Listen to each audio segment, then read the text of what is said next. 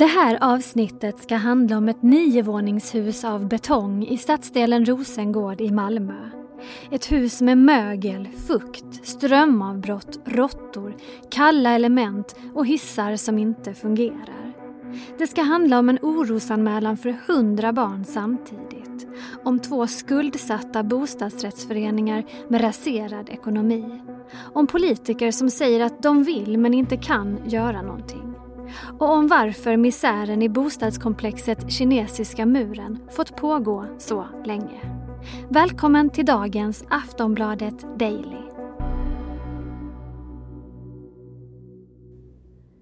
Erika Oldberg är reporter på Sydsvenskan och har tillsammans med kollegan Dan Ivarsson granskat härvan kring Kinesiska muren i två års tid. Varför väcktes deras intresse för det här huset från första början? Det kom ett tips till redaktionen helt enkelt. Så började vi kolla det. Först så rotade vi i alla offentliga källor vi hittade. Och eh, sen så trampade vi runt i huset och gick trappa upp och trappa ner och knackade dörr. Och eh, jag säger gick trappa upp och trappa ner för att eh, hissarna är ofta trasiga i det här huset. Men så började det vara våren 2019 som vårt avslöjande publicerades. Berätta, vad var det ni avslöjade först av allt? Eh, kaoset i två bostadsrättsföreningar i Kinesiska muren är ett eh, högt niovåningshus på Rosengård i Malmö som det går under det namnet, Kinesiska muren i folkmun.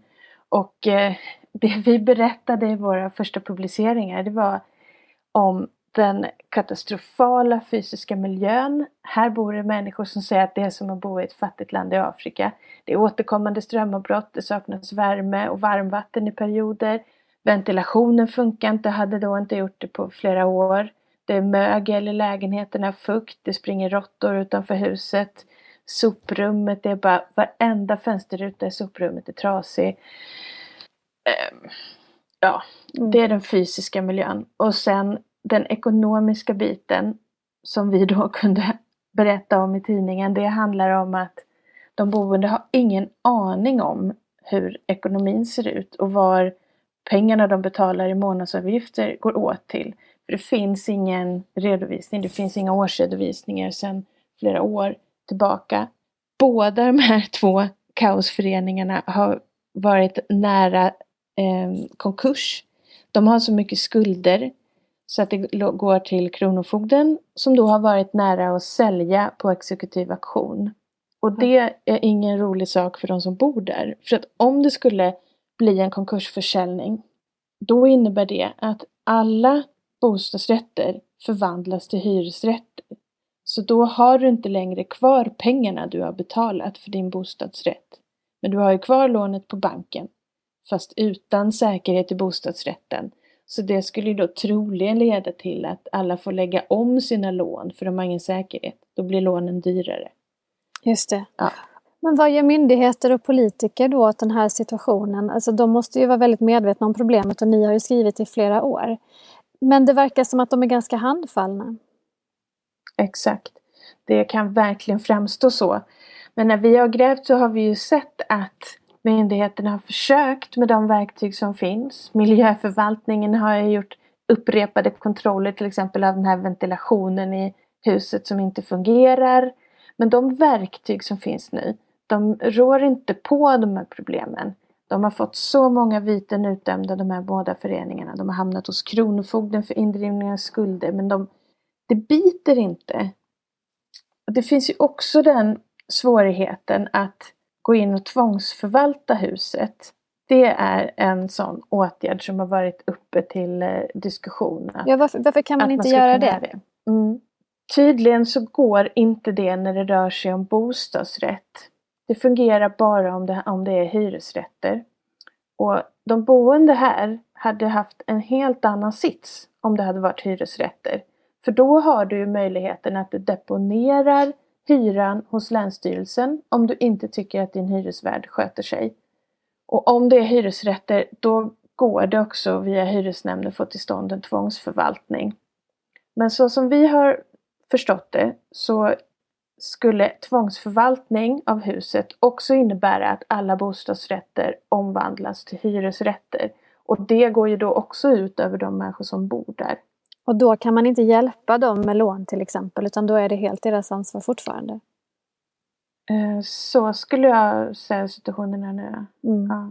Men eh, Malmö kommun har ju beslutat sig nu för att göra något väldigt ovanligt, nämligen göra en orosanmälan för samtliga barn i huset. Det handlar om ungefär 100 barn. Hur motiverar de den här åtgärden? Mm. Det är miljöförvaltningen som har gjort den här väldigt ovanliga orosanmälan. Det är 119 barn som är folkbokförda i det här huset.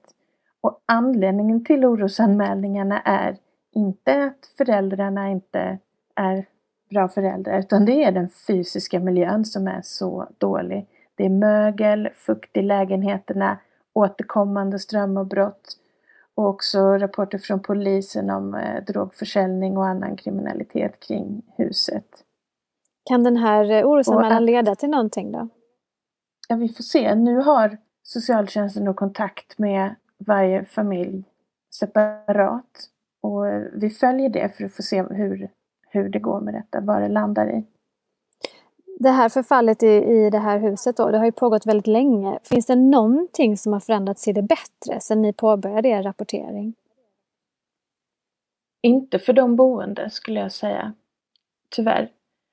Det har ju stiftats ny lag för att bättre skydda människor som bor i eh, bostadsrättsföreningar. Berätta. Ja, sen vi började med vår granskning och eh, publicerade den så har det ju stiftats en ny lag just med anledning av våra publiceringar om katastrofen i kinesiska muren. Och den lagen innebär att det nu är lättare för en minoritet av medlemmarna i en bostadsrättsförening att vända sig direkt till Bolagsverket som då kan utse en särskild granskare om, om man vill om man vill granska sin förening och, eh, och försöka avslöja fiffel från styrelsen, eh, vicevärden eller någon annan.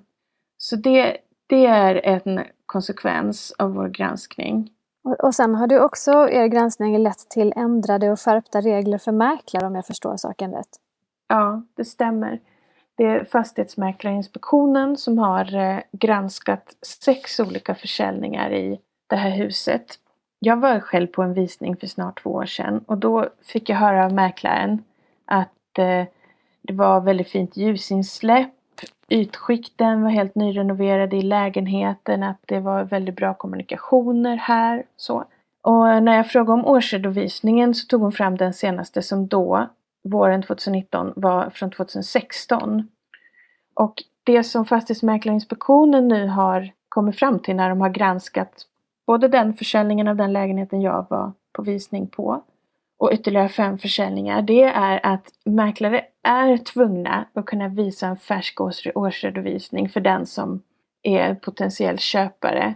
Och om bostadsrättsföreningen är försenad med årsredovisningen, då måste mäklaren skriftligen varna spekulanter och förklara att det finns risker med att köpa den här bostaden. Du vet inte, vi vet inte hur ekonomin ser ut för vi har inte en färsk årsredovisning. Finns det ens årsredovisningar i kinesiska muren? De är gamla, de är flera år gamla så de säger ju ingenting om eh, hur ekonomin ser ut nu. Jag undrar, hur, när ni går runt och pratar med folk som bor i kinesiska muren, vad säger de nu? De måste ju vara otroligt uppgivna. Ja, och så har det varit hela vägen. Alltså folk är ledsna, arga, frustrerade. Och det är ju många också som har försökt att förändra situationen. Vi har ju pratat med människor som har bott där men flyttat. Som har försökt att delta i föreningsarbetet och försökt att påverka men de har blivit hotade eller de har inte kunnat komma i kontakt med styrelseledamöterna och de har gett upp.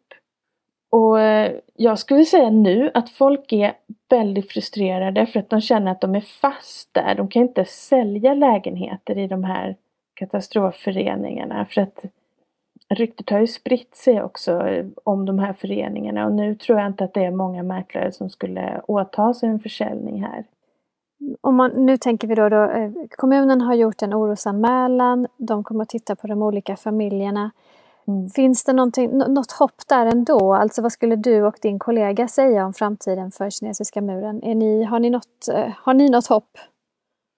Men det finns ju en väg och det är via den nya lagen som gör att det är lättare för en minoritet av eh, medlemmarna i en bostadsrättsförening att nu få till en extern granskning via Bolagsverket. En granskning som kan liksom sätta sig in i, har styrelsen fifflat med ekonomin, finns det oegentligheter här? Och sen komma framåt och välja ny styrelse och så. För hittills så har man ju haft, hittills har man inte som minoritet kunnat besluta om det. Men nu skulle det kunna vara en väg framåt.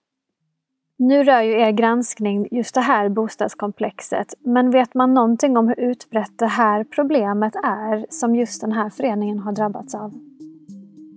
Ja, alltså efter vår granskning så gjorde branschorganisationen Fastighetsägarna en enkätundersökning och ställde frågor till eh, bostadsrättsföreningarna runt om i Sverige för att höra hur utbrett det var med sån ekonomisk brottslighet och fiffel.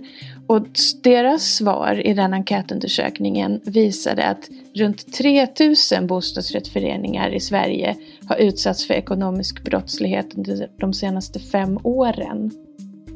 Och det är ju rätt så tydliga siffror. Även om kinesiska muren är extremt så eh, är det här ett problem som existerar även på andra håll. Sist här hörde vi Erika Oldberg som är reporter på tidningen Sydsvenskan i Malmö. Vill du läsa mer om den löpande granskningen om kinesiska muren så gå in på sydsvenskan.se. Jag heter Olivia Svensson och du har lyssnat på Aftonbladet Daily. Prenumerera på Daily så får du ett nytt avsnitt varje vardag och så hörs vi helt enkelt snart igen. Hej då så länge!